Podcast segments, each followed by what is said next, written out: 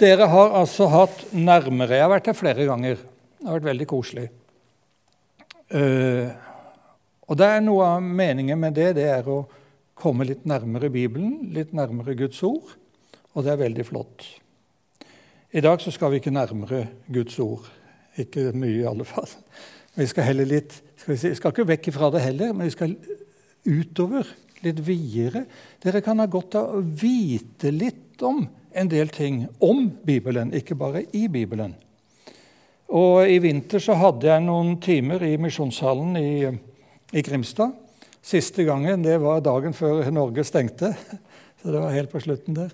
Men, eh, og Da hadde jeg litt om en del sånne temaer som ikke akkurat er bibelsk i den forstand, og sånn teologi og sånt, men litt om Bibelen og om en del ting. Så det snakket jeg med, prata vi litt nå med dette om Lasse, om vi skulle ta noe av dette i dag, og han var med på det. Og så tror jeg kanskje at eh, det er litt viktig for dere å vite litt om en ting. Og det som vi nå skal snakke om i dag, det er det med dødehavsrullene.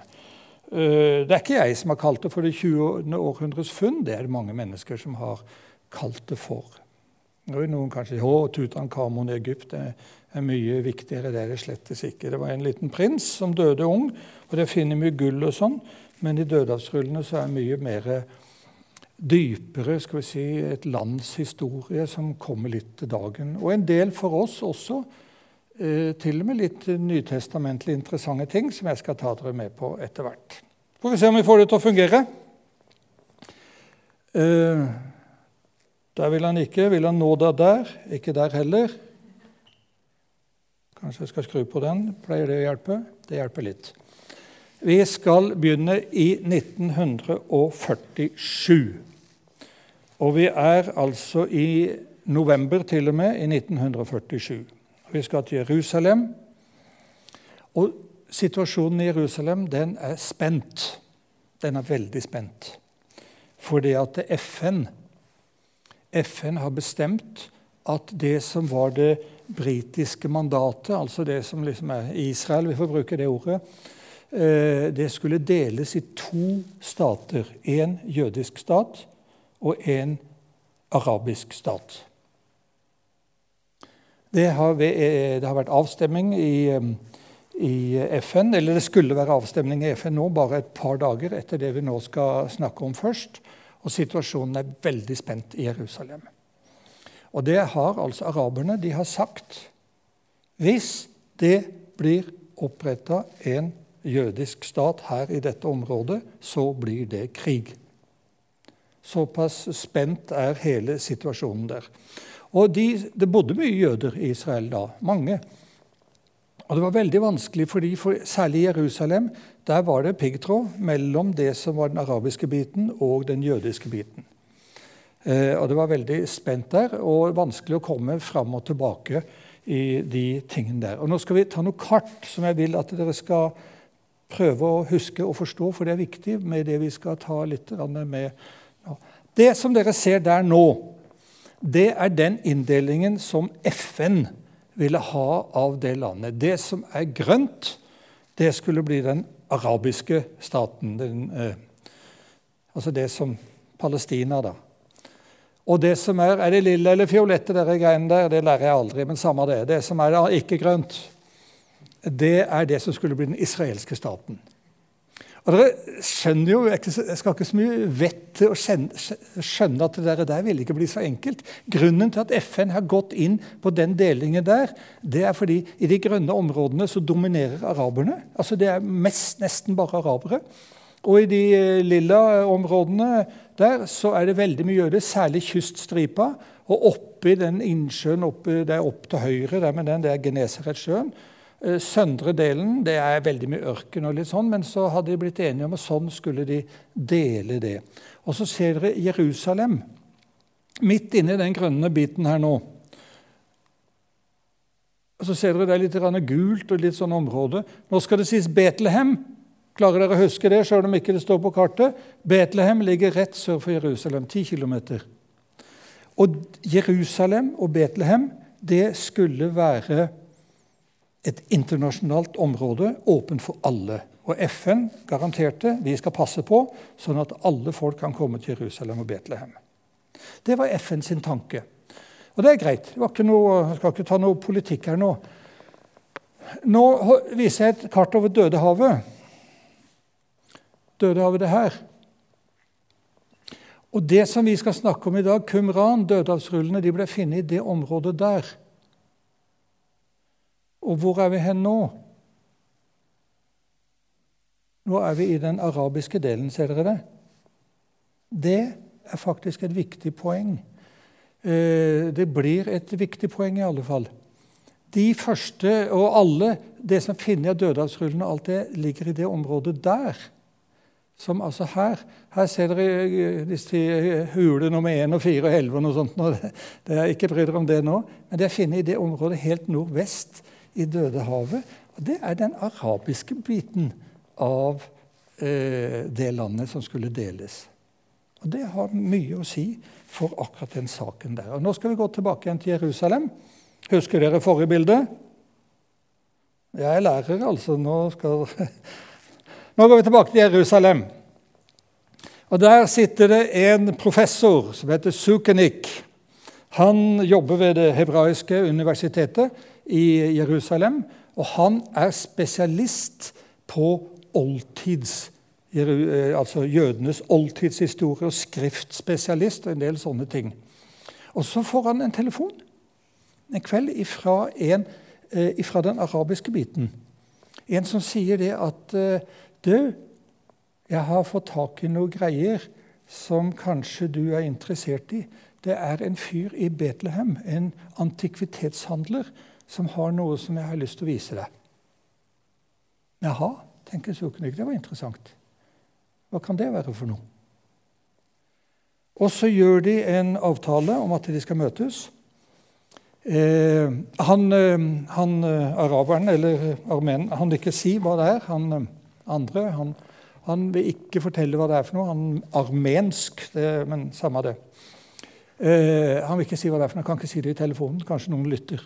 Kanskje noen lytter. Men du kan komme, så møtes vi der og der og der skal få se hva jeg har for noe. Da blir jo Sukun ikke interessert. Der har du gubben. Det er han professoren.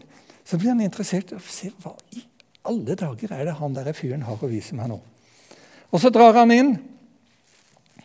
Så drar han inn, og så, for å se, og så møter de uh, hva, Skal vi se hva han har å si her. Og så har de, de kan ikke, Det er sånn uh, koronaopplegg. De må holde litt avstand. Uh, så de snakker liksom gjennom piggtråd, som de sier.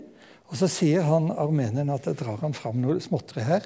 Og så forteller han at det er noen beduiner, sånne hyrder, ute i ørkenen nede med, eh, Dødehavet, som har gitt, funnet noe som en antikvitetshandler i Betlehem eh, har gitt til meg, eller latt meg få se.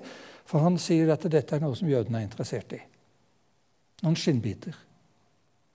Og så er det noe skrift på dem. Og så lar han Sukenik få se på dette greiene her. Og Så ser han det, og så sier han at det er mer i Betlehem. sier han. Og Så kikker Sukenik på de her. Jeg vet ikke hvor store de bitene er. noe sånt. Bare noe småtteri til å begynne med. Bare noe småtteri. Og Så begynner han Sukenik Så ser han dette er oldtidsskrift. Altså Bokstavene har forandra seg gjennom århundrene. Og han ser at dette her er altså ikke noe moderne ting. Det er noe eldgamle skriftgreier. Men hva er det han blir forvirra for? Det, skriften, sier han, den er kanskje 2000 år gammel.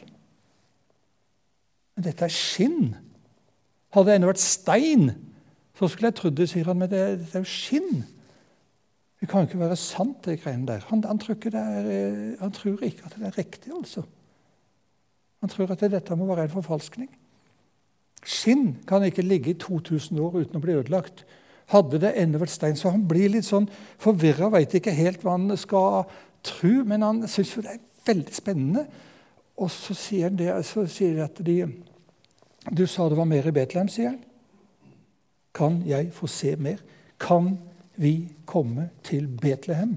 Og du kan vise meg han mannen som har dette, for han som har mer, jeg har lyst til å se mer av det.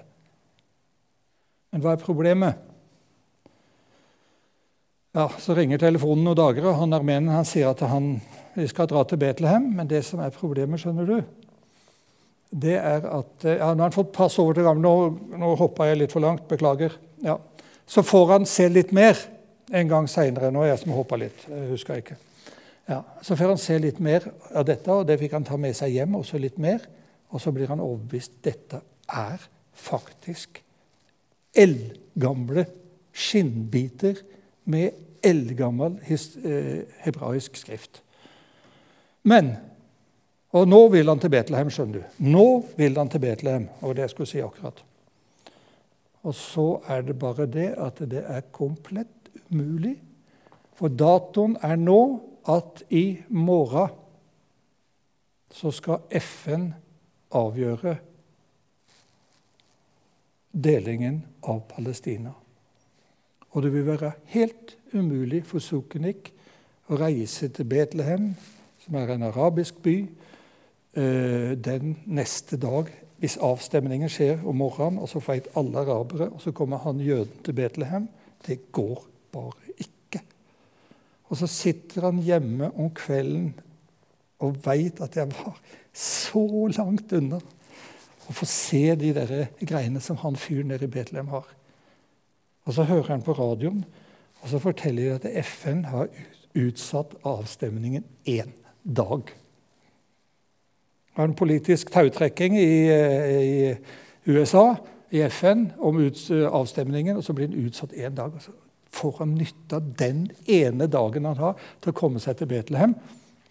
Og så drar han ned, sammen med han armenen og de andre. Nå reiser de ned. Og han får pass, og så reiser de nedover. Og nå, han, nå er han i Betlehem, og så begynner han antikvitetshandleren der nede å fortelle. Og den fortellingen tror jeg mange av dere kjenner, men jeg tar den likevel. Han antikvitetshandleren han forteller, Der forsvant det noe.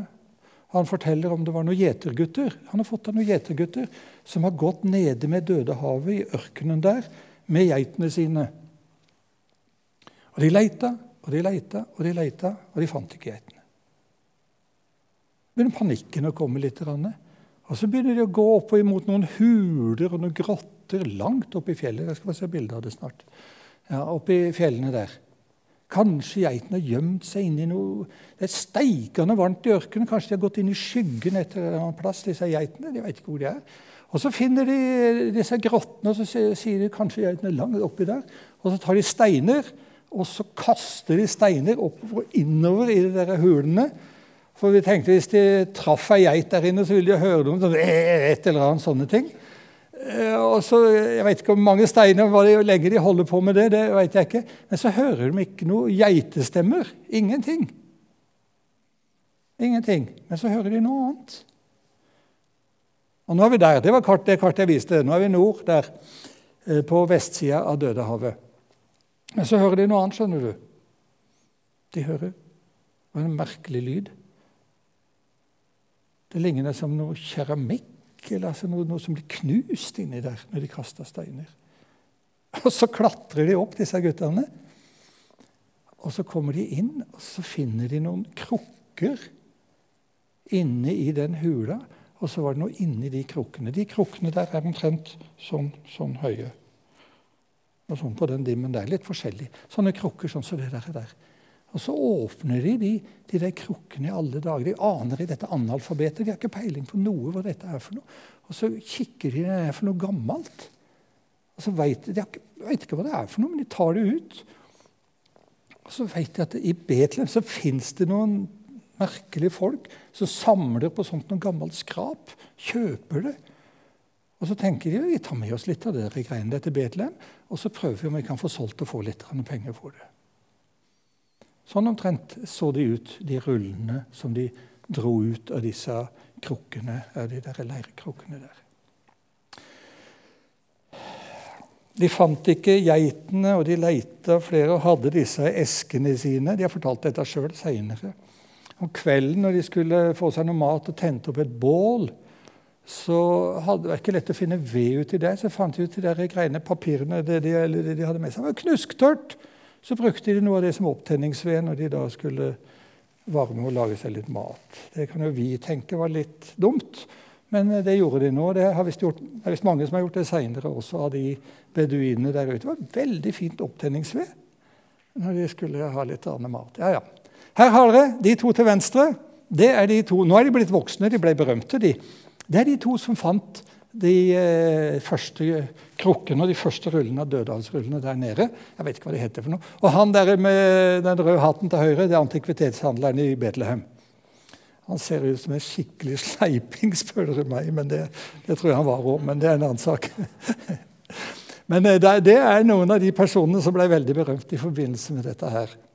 Og de der to guttene, eller nå er de blitt voksne mann, de fikk nesten ingenting for dette greiene. Det var han der andre fyren der som tjente seg rik på det, i alle fall. Men så om mange mellomledd, for de visste ikke hva det var. De fikk litt for dette. tjente, det var greit. Men så begynte jo ryktene etter hvert å spre seg. Det var flere som begynte å lete. da. Skal vi se noen bilder av noen av Der er et bilde langt unna. Der er den hula som de fant de første rullen i. Og, og nå er du kommet mye nærmere, og da er du altså oppi liksom en fjellvegg. oppi der, så hule virker jo egentlig helt uinteressant. Og der er du helt nærme inngangen til de der første hulene. Hule nummer én, som blir kalt i arkeologien. Inni de der områdene der. og der, Hvis du så på det første bildet, så er det ganske øde og ganske langt oppe i bakken. og det der greiene der, og De sto et eller annet sted der og kasta. Eh, det siste bildet det er noen av de hulene. Ser dere de hulene nå, forresten? på det her? Ser dere det er noen huler her? Der har vi ei hule, og der har vi ei hule. De er for oss eh, turister mye mer kjent, for de, de hulene der ligger helt ned med veien. Der busser og biler kan kjøre forbi, så det går an å stanse. Det er ikke lov, men jeg eh, kjører seint forbi og kikker opp og ser på de hulene. Også oppe på det platået der eh, Noen av dere har sikkert vært der. Oppe der, der skal vi få noen utgravinger og noe sånt noe. Eh, der har jeg vært flere. Jeg har aldri vært inne i hulene, det har jeg ikke, men jeg har sett de mange ganger. Det er de vi ser. Men de mest eh, si, viktige Det finnes noe inni de hulene der òg, men de mest viktige det er der, de lengre borte. Oppi der så kommer vi der må se på, Jeg har, noe, har noen små notater her og greier. Sånn, ja. ja. Og når suken gikk, Nå går vi tilbake til han. Dette er det han, eh, han antikvitetshandleren i Betlehem forteller. Og han er altså søkende. Helt annen ting. Jeg har vært for lenge siden i Katarina-klosteret i Sinai. altså Like ved det Moses-fjellet og det greiene. Og så kom jeg på grunn av Kan jeg få lov å fortelle den? Ja.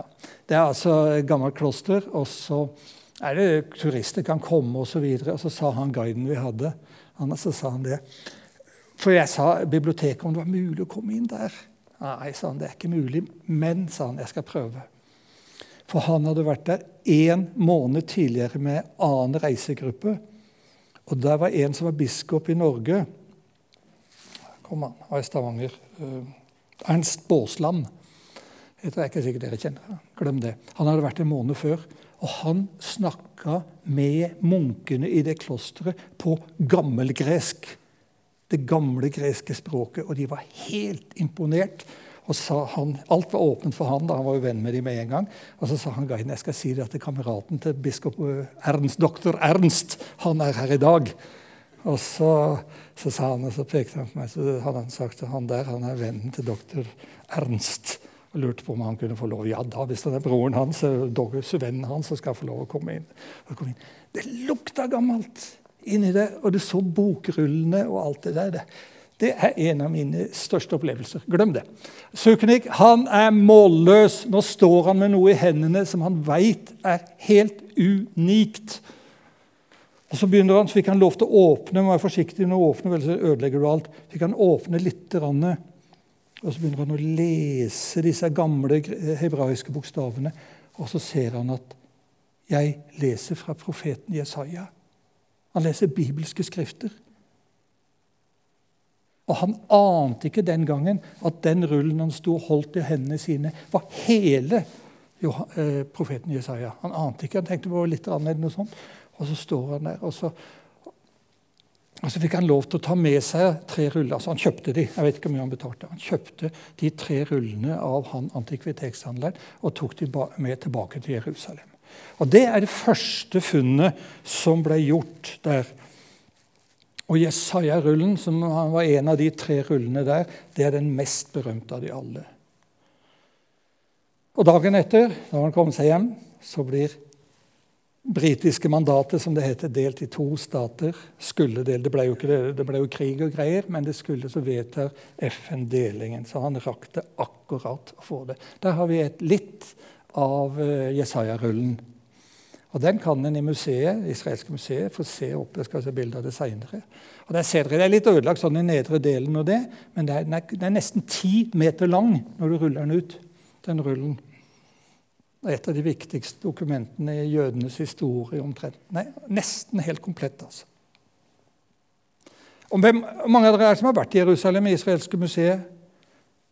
Det er, bare, ja, det er såpass mange, ja. Det er oppe på det der i midten der, den der greia inni der. ja. Men så var det flere ruller. Sukenik får en ny telefon eller en henvendelse, jeg vet ikke om det var telefon. Det er eh, noen andre, det er en syrisk-ortodoks kirke som sier at vi har fått tak i noen flere ruller. Vi har fire ruller. Er du interessert i det? Og gjett om han var interessert. Og så blir det eh, et møte, og så får han lov til dette eh, fortsatt. Nå er det i alle fall piggtråd. Og så får han lov til å ta med seg de fire rullene hjem. Og se på de, studere de skikkelig, altså. Ikke bredt ut alt, men iallfall så mye som man trenger. Og Så blir det avtalt et møte igjen. Da skal de begynne å forhandle om pris.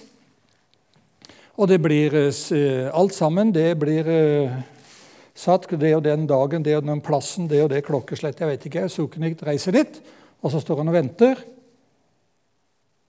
Og så kommer det ingen.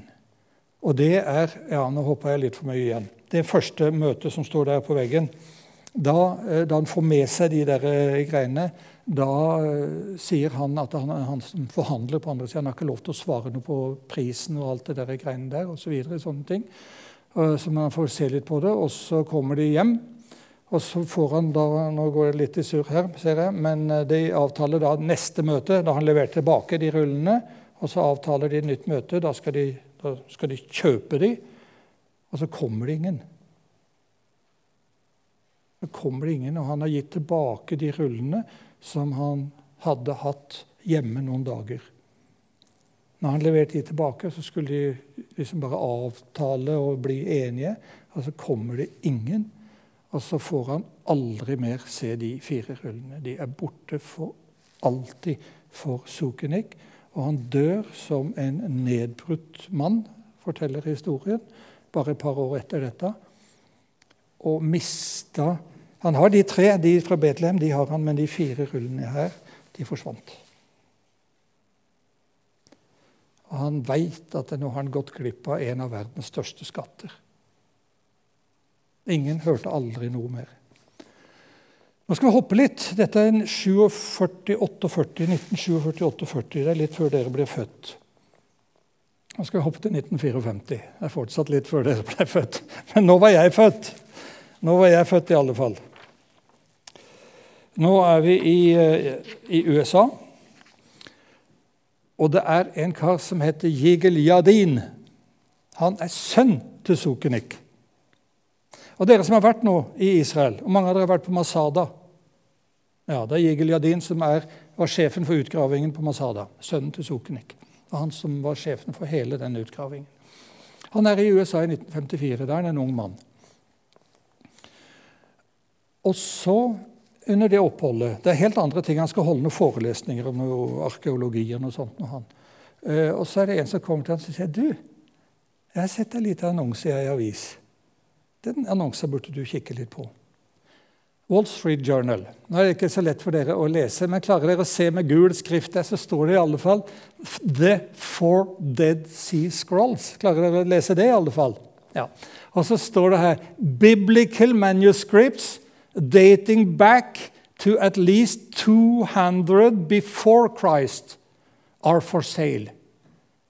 This would be an ideal gift to an educational or religious institution by an individual uh, or a group. By an individual. Og så står det en boks og ditt og datt og så en adresse og greier. Uh, er han i ferd med å nærme seg det som faren mista?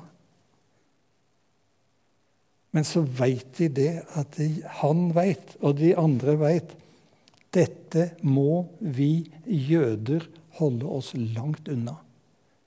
Og de skjønner hva som har skjedd i de årene her. At de som viste disse fire rullene til Sokenik, de var bare interessert i å se hvor, inn, hvor mye er jødene interessert i dette. Og Sokenik var veldig interessert. Og da skjønner de at de kan få massevis av penger. Og så trekker de seg fra forhandlinger med han, og så sier de Amerika, det er der pengene er. Og så prøver de å få solgt disse her rullene, de fire rullene i Amerika, og ingen er interessert. Og hvorfor det? Alle er sikre på at det er forfalskninger. Alle er helt sikre på at dette er forfalskninger. Det er ingen som gidder å, å, å kjøpe. De har prøvd i flere år, og så står det til slutt en liten sånn annonse. Det har sikkert stått mange ganger uten at uh, vi vet det. Så står det en bitte liten bit der. Og så får de andre mellommenn som ikke har noe med jøder å gjøre, sånn uh, offisielt i alle fall.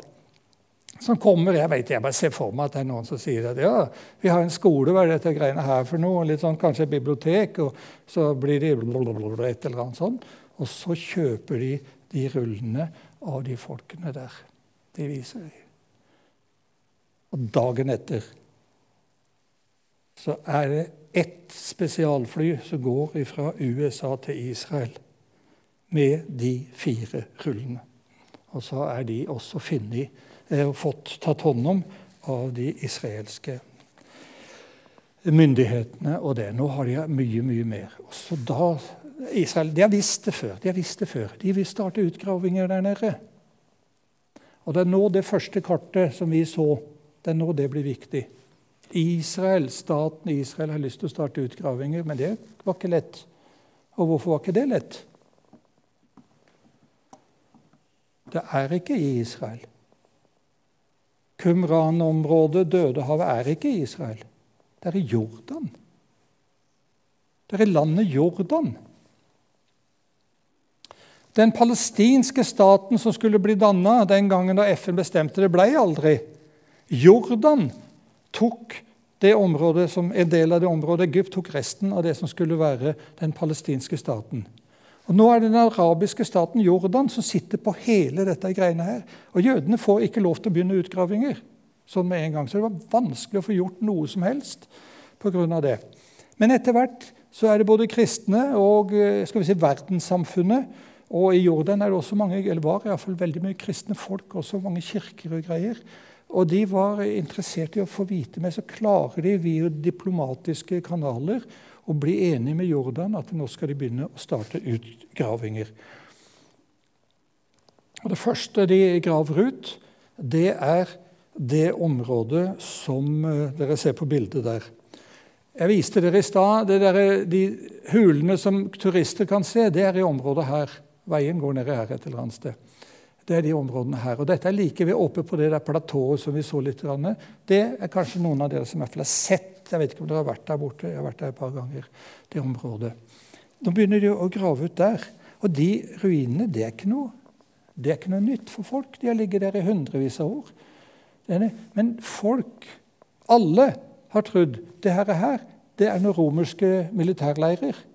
Og ingen har giddet å, å, grave det ut i det hele tatt. De har bare sett at det ligger noe der. Men nå når det i området her blir funnet disse rullene, så sier de hallo. Det er vel antageligvis noe med de rullene å gjøre. det området her. Og Så begynner de å grave ut, og så finner de eh, ganske mye gjennom rullene, men også funn i de områdene her. Hvem var det som bodde der? Det var det ingen som visste før dødehavsrullene. De, som sagt, Jeg trodde det var romerske soldater. Det var det slettes ikke. Det var ei religiøs gruppe i Israel som ble kalt for essere.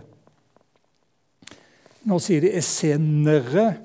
Jeg er vokst opp med esseere. ikke den enden, så blåser det sikkert ingen av de to uttalene som er helt riktige. spiller ingen rolle. Men det er altså ei gruppe religiøse jøder som både før og etter Jesu tid På Jesu tid var de der, og de starta en god del før, som har holdt det i det området nede i ørkenen der. Og hva slags gruppe er det? Jo, de var så gale på de religiøse lederne oppe i Jerusalem, presteskapet og de her levitten og de folkene her, tempelfolkene, at de sa vi ikke har noe med de å gjøre i det hele tatt. Vi vil ut av den der ekle Jerusalem-byen med syndens eh, bule og falskneri og hykleri og alt sammen. Vi reiser ut i ørkenen og dyrker Gud der nede. Og så bygde de opp det. Og Der kunne de ha sitt åndelige liv. Og så brukte de veldig mye av tida si på å skrive. Skrive og skrive og kopiere skrifter. Og de danna et eget samfunn med regler om alt. Mye av det som er funnet i Dødalsrullene, er ikke bare bibelske ting, men det er mye om det samfunnet. Så derfor vet vi veldig mye om det samfunnet. Og de særlig Mosebøkene, det var alt. Alt nesten for de. Veldig strenge tolkninger. Og de hadde et veldig strengt liv i hele tatt. Og så var det noen esseere Jeg vet egentlig ikke hvorfor, men oppe i et hjørne for å si, oppe i Jerusalem så hadde de noen nesere som bodde der òg, men de fleste bodde nede i, i Jerusalem. Jeg skal si litt mer om det, men det eh, Hva tror folk har skjedd? Det er nokså sikre. Skal vi ta det, skal vi ta en liten pause. I år 66 etter Kristus, altså godt over 30 år etter Jesus, så gjorde jødene opprør imot det romerske styret. De ville prøve å hive ut romerne fra det jødeland, fra Israel. Eh, og Det kan ikke romerne finne seg i, så romerne begynte å ta igjen. Til å begynne med hadde jødene framgang, men etter hvert så sendte romerne en fjerdedel av hele sin hær for å knuse det jødiske opprøret, og de brukte fire år på det. Og når vi, når vi kommer til år 70, så blir tempelet i Jerusalem ødelagt. Eh, romerne begynte i nord, i Israel. Og så tok de litt og litt og jobba seg sørover, sørover, sørover, sørover, og venta med Jerusalem liksom helt til slutt. Det er sikkert veldig god strategi av romerne. Men underveis på veien nedover der, når romerne jobba seg ned, så sitter det noen esseere nede med Dødehavet og sier 'hjelpe oss og hjelpe meg'. Hva skal skje når romerne og de kommer til å ta oss, og de kommer til å ødelegge alt vi eier og har? Hva skal vi gjøre? Ja, hva gjorde de? De gjemte bort De gjemte bort alt de hadde i biblioteket sitt putta det inn rundt om i ørkenen, inn i huler. Og så tok de og plastra igjen, klistra igjen inngangen med jord og stein og sand osv. Så videre, sånne ting. Og så tenkte de når det blir fred igjen, så kan vi komme tilbake igjen. Da kan vi komme tilbake igjen og bare bli fred. Og så kom de aldri tilbake. Og vi veit ikke. Hvorfor? Antakeligvis er de blitt drept, hele gjengen. En, en veit ikke nøyaktig det. Men de kom iallfall aldri tilbake. Og da ligger det inne i ørkenen der sør så ligger det med Dødehavet så ligger det masse litteratur som ingen veit om. Før nesten 2000 år. Åssen var det de guttene klarte å finne det? Jo, 2000 år sjøl i tørre områder så er det ganske lang tid. Og litt vind og litt regn av og til. Og så har den veggen som de hadde bygd opp foran huleinngangene, blitt litt mer og litt mer og litt mer vaska vekk. Og Når vi er i 1947, sikkert lenge før det også, så er det åpninger inn. Men det er ingen som veit at det er noe oppi der. Det er ingen som har peiling på noe. Og så ligger det altså i nesten 2000 år, helt urørt, helt til disse guttene våre, de gjeterne, helt til de klarer å finne det. Skal vi ta en liten pause nå?